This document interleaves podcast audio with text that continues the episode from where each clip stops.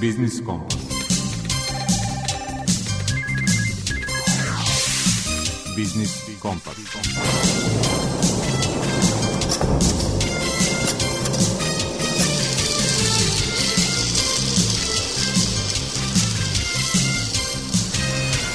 Pred mikrofonom je Đuro Vukilić. Dobar dan poštovani slušalci. Duboko smo u novembru i dani su sve kraći. Uprkos tome, graditelji stanova, baš kao ni prodavci ili kupci, ne posustaju. I toj temi posvetili smo rubriku Aktuelno. Gost autor rubrike iz mog ugla je direktor kompanije Vabio Investment Holding Duško Bošković. On upozorava da ćemo u narednih pet godina na uvoz struje potrošiti najmanje 5 milijardi evra i nudi rešenje kako da substituišemo uvoz sobstvenim resursima. Udruženje preduzetnica Biznis na štiklama organizovalo je ovih dana konferenciju povodom Međunarodnog dana preduzetnica. Sa kakvim porukama u rubrici Svet preduzetništva govori koleginica Branka Dragović-Savić. U rubrici Predmet financije direktor odeljenja za devizni sistem u Narodnoj banci Srbije Sandra Dukić objašnjava pod kojim uslovima strani državljani mogu da otvaraju račune u našim bankama. Tema potrošačke korpe prava je umanjenje troškova grejanja zbog pomerenog početka grejne sezone. Pojedine toplane su vratile novac potrošačima, ogroman deo nije – tvrdi naš saradnik iz Udruženja za zaštitu potrošača Vojvodine, Mladen Alfirović. Toliko o sadržaju. Pre najavljene rubrike Aktuelno prepustimo se izboru muzičkog urednika Zorana Gajinova. Biznis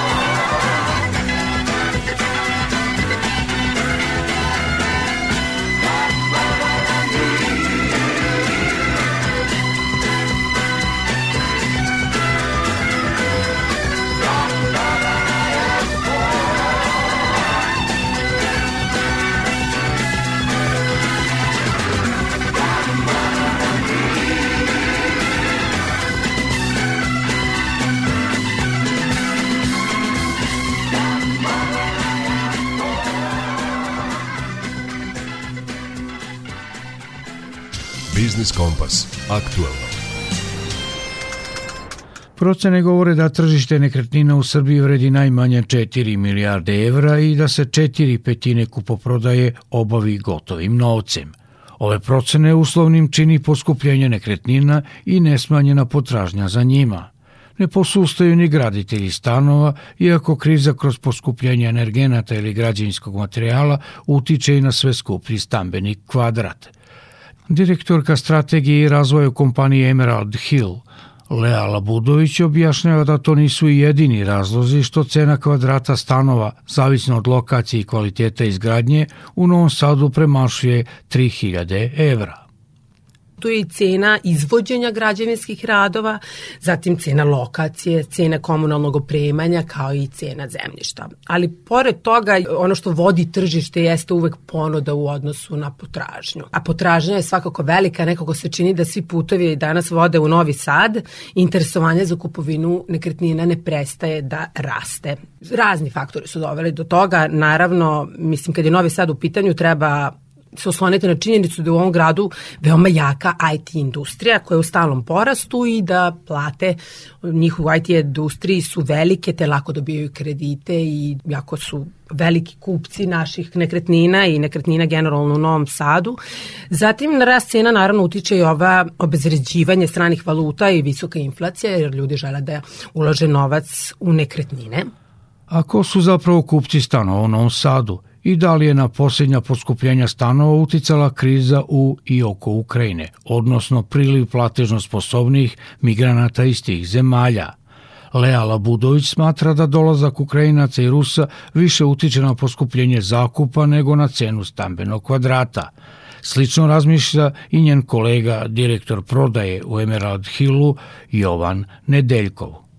Naravno da postoje i kupci i zakupci, opet bi rekao, stanova, stambenih prostora, kuća, lokala koji dolaze iz e, Ukrajine, iz naravno Rusije, ali to nije u tolikoj velikoj meri koliko zaista imamo kupaca koji su generalno sa područja i bivše Jugoslavije, naravno Srbije, to je naša dijaspora, definitivno je sada ono što je već i postalo trend kao najbolja investicija i da kažem, neki način kako ljudi da sačuvaju svoj kapital ulaganje u kupovinu nepokretnosti, jer one definitivno uh, najlakše i najbrže uvećavaju tu neku svoju nominalnu vrednost. U nekim manje turbulentnim vremenima na tržištu stanova cena kvadrata je zavisila i od dostupnosti stambenog kredita. Što su kamate bile povoljnije, stambeni kvadrat je bio skuplji i obrnuto – A odakle novac za kupovinu znamo li da imalo ozbiljnija stambena jedinica košta stotinak hiljada evra? Jovan Nedeljkov još jednom. Ljudi koji kupuju nepokretnost uglavnom su ljudi koji ili prodaju umeđu vremenu neku svoju nepokretnost u smislu stambenih kuća, investitorima i kasnije kupuju, ajde da kažem, stanove ili dobijaju neke stambene prostore ili većinom prodaju manje, mlađi ljudi naravno, mlađa populacija koja se širi u neke veće stambene prostore, a opet starija populacija ide u manje kvadrate i zbog reže i svega ostalog. I to je neka osnova koja je, ja sad ne bi, ajde da, da se, da kažem, dohvatim baš tih nekih tačnih činjenica u smislu da je to 20, 30 ili više posto, ono što je bilo unazad zaista je bilo popularizovano u smislu povećanja kupovine i putem stambenog kredita banke kupca su kamate bile značajno povoljnije. Sada ćemo vidjeti kako malo se te kamate i naravno taj Euribor koji je sada u plusu povećavaju kako će to sada uticati na kupce, da li će smanjiti te kupovine iz potencijala stambenog kredita banke kupca, ali u svakom slučaju blizu smo te konstatacije da je to 20-30% bilo iz potencijala stambenog kredita, a ostatak naravno iz potencijala ličnih sestava kod kupaca koji su naravno e, naši državljani i oni koji mogu da podignu kredit u Republici Srbiji. Ovi koji nisu, naravno, koji su dijaspora iz bivših zemalja e, naše bivše republike, oni naravno kupuju svi iz ličnih sestava. Eksplozija balona naduvanog cenama nekretnina uzrokovala je pre 15 godina globalnu ekonomsku krizu – koliko je naš balon nadomak pucanju i imali izgleda da stambeni kvadrat bude jeftiniji, barem za nekoliko stotina evra. Nedeljkov ne veruje u takav scenario. Gledajući sa eh, tog nekog stanovišta, zaista porast cene izgradnje je ono što, što nama uvećava uh, tu neku finalnu cenu koju kupac dobije kao ponudu recimo prilikom kupovine nepokretnosti i sa te tačke i tog stanovišta e, gledanja sigurno cena neće ići unazad, a opet kao i na svakom tržištu, kao i kod svake robe, samu cenu diktira uvek potražnja. Dogod je ta potražnja veća, naravno od onoga što je na tržištu, mi smo sigurni da, da će ta cena svakako biti na tom nivou koji jeste, možda čak i ići više, to će naravno vreme pokazati, ali ono što, što su neka predviđenja da će Novi Sad u nekom kratkom vremenskom periodu doći do cifre od milion stanovnika, kad će zaista svaki taj od i stanova i budućih stanara tražiti neki svoj određen sadržaj i u smislu poslovnih, kancelarijskih prostora i svega ostalog što će opet doneti našem gradu ekspanziju i razvoju u tom nekom pravcu i čekajući da najveći vojvođanski grad dostigne ili ne dostigne milioni tog stanovnika, tržište nekretnina sve aktivnije pruža pipke ka četvrtoj zoni i javnogradskog saobraćenog preduzeća Novi Sad i ka drugim gradovima u pokrajini. A gde će se i kada zaustaviti?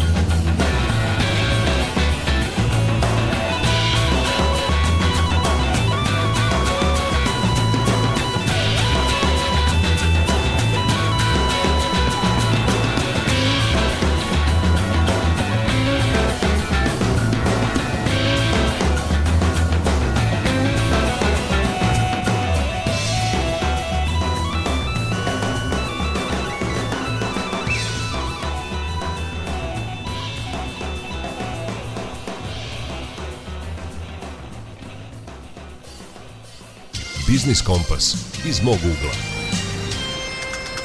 Apel potrošačima da štede električnu energiju ekonomski je opipljiv u podatku da će nas uvoz tog energenta ove, ali i narednih zima koštati najmanje milijardu evra. Direktor kompanije Vabio Investment Holding Duško Bošković u rubrici iz mog ugla objašnjava da bismo osloncem na sobstvene resurse taj uvoz ipak mogli da eliminišemo. Poznato je da Srbija tokom zime ima manjka oko 500 MW časova instalisane snage električne energije. Ovaj uvoz će nas koštati pa minimalno nede oko 1 milijardu do 1,5 milijardu evra. Računa se da će i sledeće godine ova cena čak i porasti.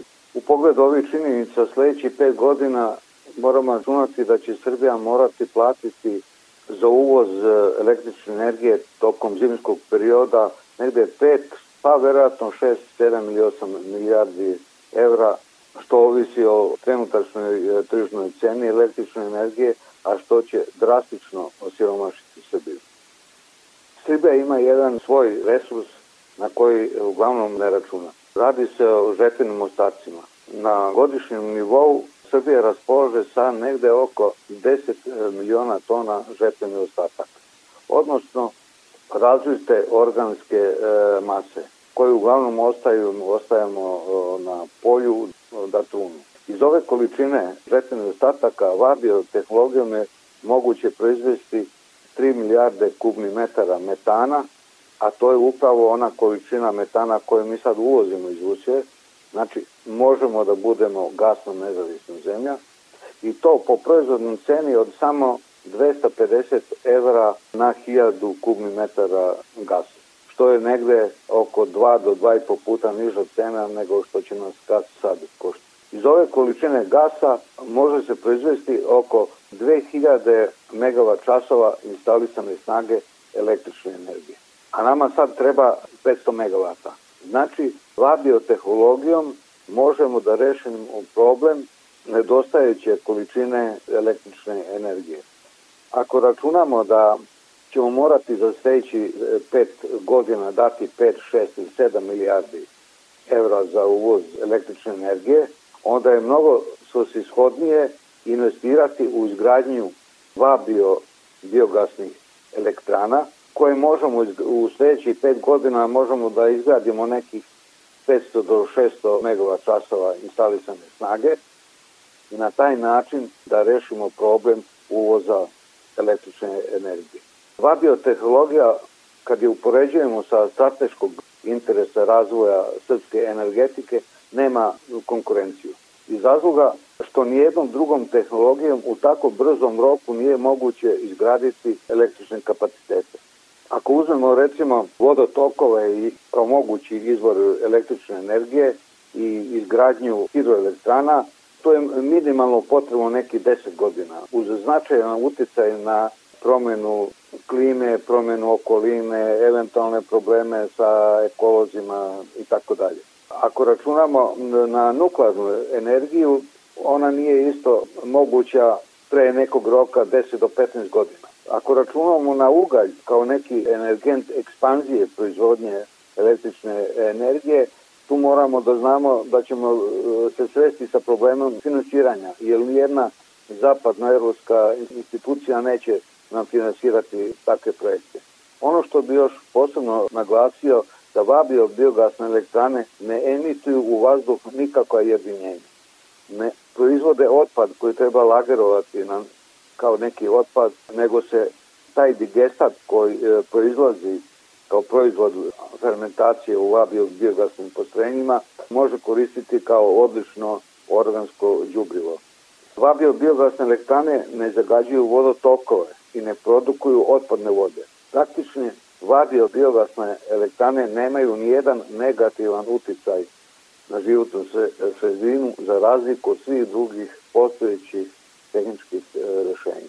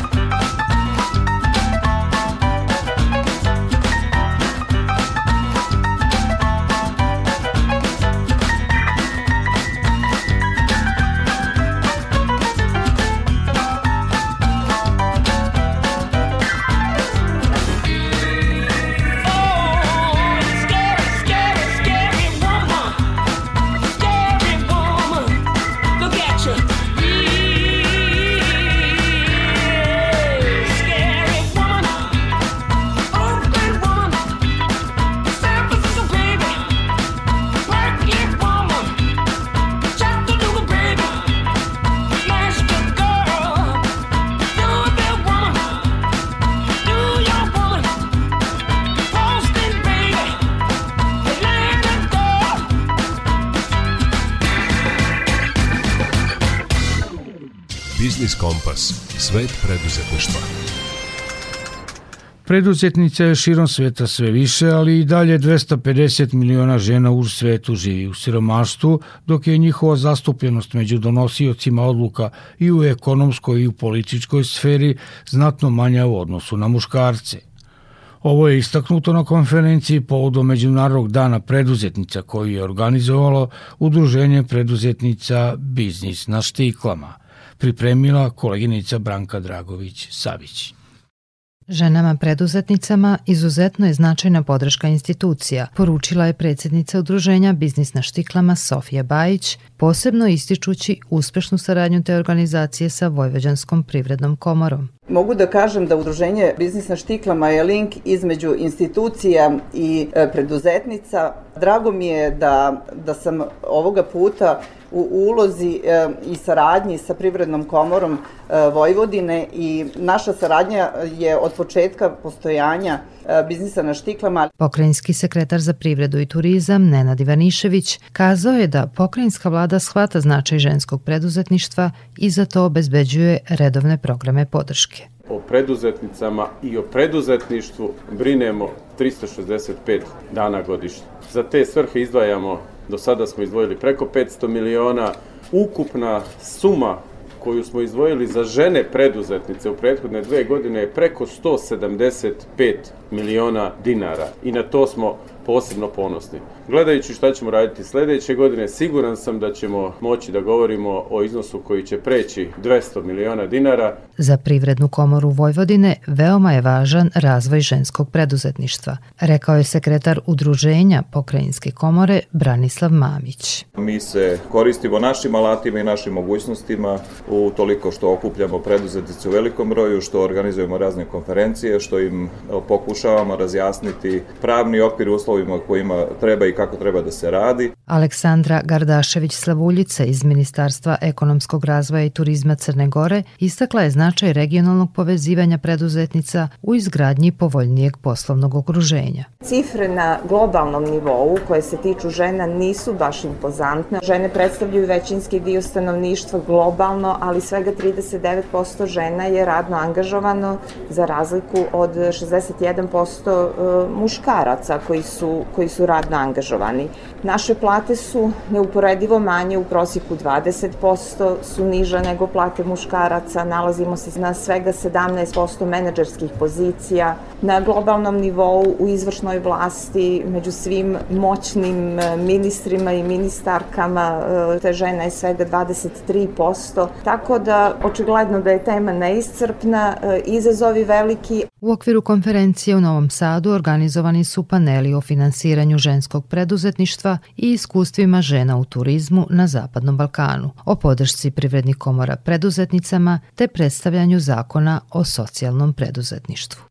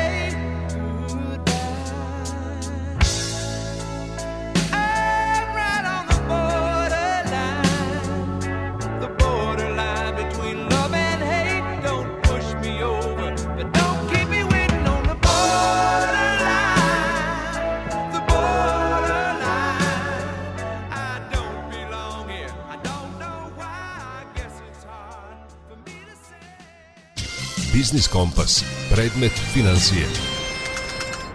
Različite su procene o broju stranih državljana nastanjenih u Srbiji, a koji se bave određenim poslovima i koriste bankarske usluge.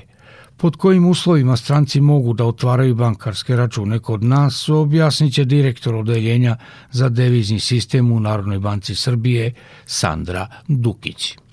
Sama procedura otvarenja računa stranim državljanima se ne razlikuje mnogo od postupka po kome banke otvaraju račun našim građanima. To znači da se banci podnosi zahte za otvaranje računa koji sadrži osnovne identifikacijne podatke lica koja otvara račun. Uz zahtev podnosi se na uvid i lični dokument na osnovu koga se može utvrditi identitet lica koja otvara račun, to može biti pasoš ili druga važeća isprava sa fotografijom. A kako bi se utvrdio status rezidentnosti, odnosno nerezidentnosti stranog državljana koji otvara račun, banci se podnosi i dokument iz koga se može utvrditi mesto njegovog prebivališta ili boravišta u poslednjih godinu dana. Strani državljani ne mora biti fizički prisutan prilikom otvaranja računa, već račun može da otvori preko punomoćnika, odnosno lica kome da ovlašćenje da u njegovo ime i za njegov račun zaključi ugovor o otvaranju računa sa bankom, kao i da raspolaže sredstvima na njegovom računu. Često se postavlja pitanje da li banka može da odbije da otvori račun određenom licu. Odgovor je da može. Naime, prilikom uspostavljanja poslovnog odnosa Tako i u toku njegovog trajanja banke su dužne da se pridržavaju propisa kojima se uređuje sprečavanje pranja novca i finansiranje terorizma, a koji između ostalog predviđaju i obavezu banke da preduzima radnje i mere koje se odnose na poznavanje i praćenje klijenta. Shodno tome, ukoliko banka primenom svojih unutrašnjih procedura klasifikuje klijenta u grupu neprihvatljivih, s tim klijentom neće zasnovati poslovni odnos. Takođe, ako banka ne može da preduzme sve radnje i mere poznavanja i praćenja stranke, na primer ne može da utvrdi identitet stranke, pribavi procene informacije u svrsi i nameni uspostavljanja poslovnog odnosa kao i da pribavi proceni informacije o poreklu imovine koja će biti predmet poslovnog odnosa, banka će odbiti da određenom licu otvori račun. Pored navedenog, Treba znati da svaka banka slobodno odlučuje izboru klijenta, što znači da banke nisu obavezi da otvore račun određenom licu, već odluka o tome spada u domen poslovne politike banke. Takođe, neke od banaka na teritoriji Republike Srbije su članice finansijske grupe, čije je matično društvo registrovano u nekoj od država koje su uvele sankcije određenim zemljama. I u tom slučaju banke prilikom otvorenja računa državljanima te zemlje primenjuju internu politiku i procedure koje su utvrđene na nivou finansijske grupe kojoj pripadaju. Treba imati u vidu da Republici Srbiji trenutno posluju 22 banke, čiji je spisak objavljen na internet stranici Narodne banke Srbije, te bi strani državljani koji žele da otvore račun trebali prethodno detaljno da se raspitaju o uslovima i mogućnostima otvaranja računa kod određene banke.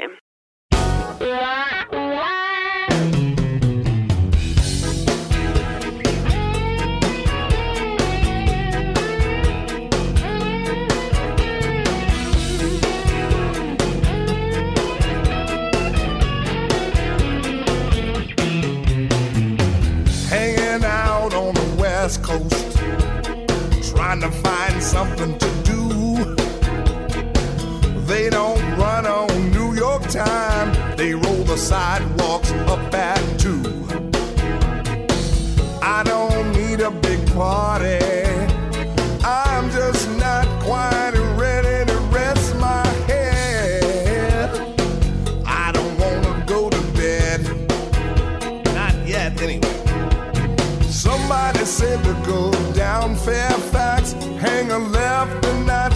it's at. They told me, go to the Cafe Luna, down Melrose Way. Go to the Cafe Luna, they're open night and day. Go to the Cafe Luna, they got a major groove. Go to the Cafe Luna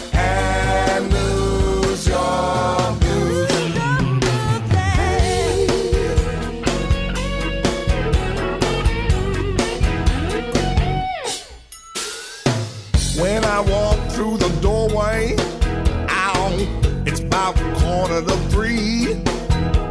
Oh, the scene that I saw in there wasn't what I thought it'd be. Everybody was grooving, playing funky rhythms on the plate with the silverware. Well, you know it wasn't square. I turned to the woman that brought me there and said, What the hell is happening here? She said, We're at the Cafe Luna down Melrose Way. We're at the Cafe Luna. They're open night and day. We're at the Cafe Luna. They got a major groove, baby. We're at the Cafe Luna.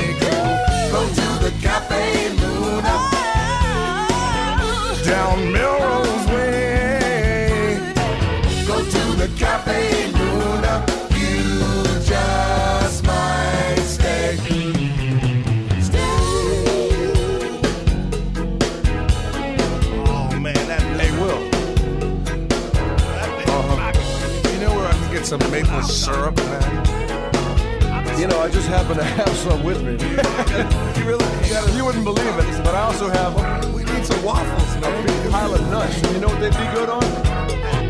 Waffle.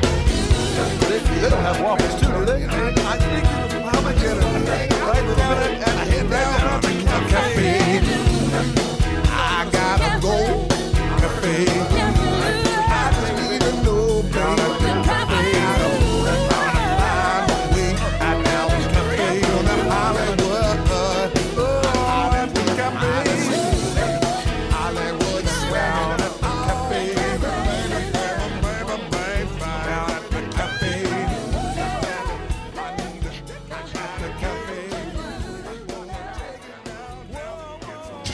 Biznis Kompas. Potrošačka korpa prava.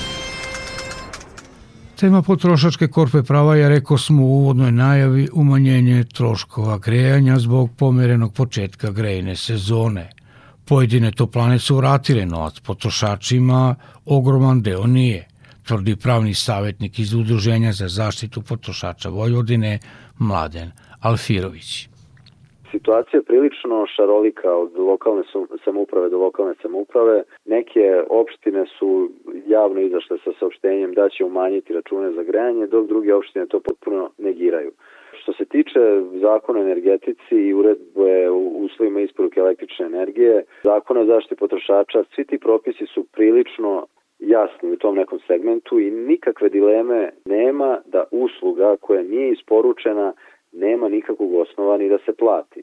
Često se čuje ta neka floskula da grejanje plaćamo tokom cele godine, ali zapravo to nije tačno. Mi ga plaćamo tokom grejne sezone od 15. oktobra do 15. aprila, račun je razložen na dva meseca, konkretno oktobarski račun došao na naplatu u novembru i to znači gde nije bilo grejanje na novembarskim računima ne treba se vide zaduženja za grejanje osim fiksne naknade koja je u zavisnosti od lokalne samouprave 20 do 30 procenata. Dakle, sve drugo fakturiše se kroz potrošnju, kroz takozvane kalorimetre ili grejne dane.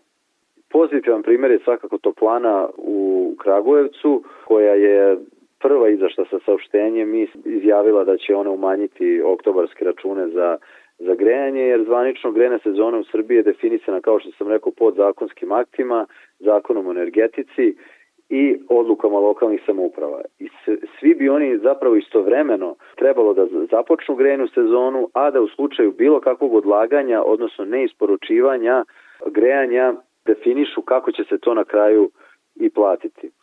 Da li će računi biti umanjeni, u ostalim lokalnim samoupravama, samoupravama ostaje da se, da se vidi. Dakle, potrošači koji su u sistemu daljinskog grejanja su u neravnopravnoj poziciji u odnosu na javna komunalna preduzeća, jer u najvećem broju opština oni zapravo plaćaju grejanje tokom cele godine, a ne dobijaju uslugu svo to vreme. Dakle, donekle imamo razumevanje za stav da zapravo se njima na taj način olakšava tako što bi njima računi bili mnogo veći da, da ih plaćaju samo u toku grejne sezone, ali kad se podvuče crta, kad se sve sabere i oduzme, ispada da, da građani koji ne plaćaju grejanje po utrošku, koji nemaju kalorimetre, plate skoro za trećinu više cenu grejanja u odnosu na, na one koji imaju taj sistem. Generalno u našoj organizaciji potrošača i u ostalim potrošačkim organizacijama se prati ova situacija pomno i ono što smo rekli, na što opet apelujemo, niko od potrošača pojedinačno ne treba ništa da traži. Dakle, očekuje se od svih toplana u Srbiji da poštuju zakone. Pravnog osnova za naplatu usluge koje je isporučena, ponavljamo, nema. Da je bilo grejanje ujutru i uveče, to bi se delilo sa neke, nekakvim satima, pa bi onda bilo manje grejenih dana i nikakav problem ne bi bio da se to naplati. Međutim, grejanja ni tad nije bilo. Dakle, potpuno evidentno da potrošač koji dobije račun za oktobar i vidi da je obračunato 15 grejnih dana, istog trenutka, ako već toplane same to nisu uradile, mora da podnese reklamaciju toplani kojima je ispostavila takav račun jer mu usluga nije isporučena. Dakle, vrlo je prosto, nema razloga da zatrpavamo sudove, nema razloga da pokrećemo ne, neke drugačije postupke, dakle, toplane bi same to trebalo da urade, ako to same ne urade, svi potrošači kojima sad u toku novembra su stigli računi za grejanje za mesec oktobar, ako oni nisu umanjeni za ti 15 dana, prva stvar koja po zakonu o zaštiti potrošača treba da se uradi jeste da se uloži reklamacija, da se zahteva srazmerno umanjenje za ti 15 dana, pružalac usluge, odnosno toplana je u obavezi da na tu reklamaciju odgovori u roku, os, u roku od 8 dana. Ukoliko tu reklamaciju odbije, onda bi potrošači trebali da se jave svojim lokalnim potrošačkim organizacijama u regionima gde je zapravo njihovo mesto prebivališta i gde se nalaze toplane kojim isporučuju toplotnu energiju i u tom slučaju će dobiti pravnu pomoć kako i šta dalje mogu da, da urade, a mi još jednom apelujemo na sve toplane da poštuju zakon i zakon o energetici i zakon o zaštiti potrošača i uslove e, odnosno uredbu o uslovima isporuke toplotne energije koja propisuje da je grejna sezona traje od 15. oktobra do 15. aprila i ponavljam poslednji put da usluga koja nije isporučena ne treba da se plati.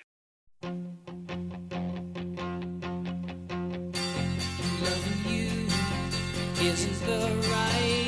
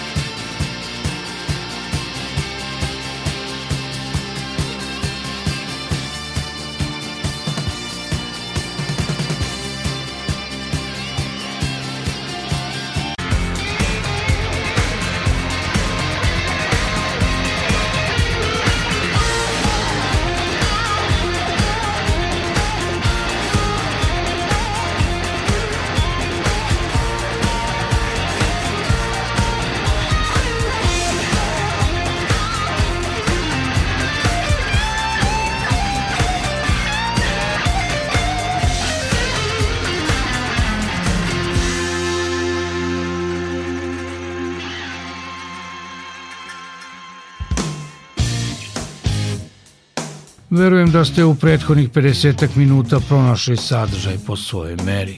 Uz podsjetnik da možete da nas slušate i odloženo na internet stranici Radio Televizije Vojvodine, podcastu Odloženo slušanje, ugodan nastavak popodnila žele vam muzički urednik Zoran Gajinov, ton majstor Marica Jungi i urednik emisije Đuro Vukelić. Zdravi bili i čuvajte se.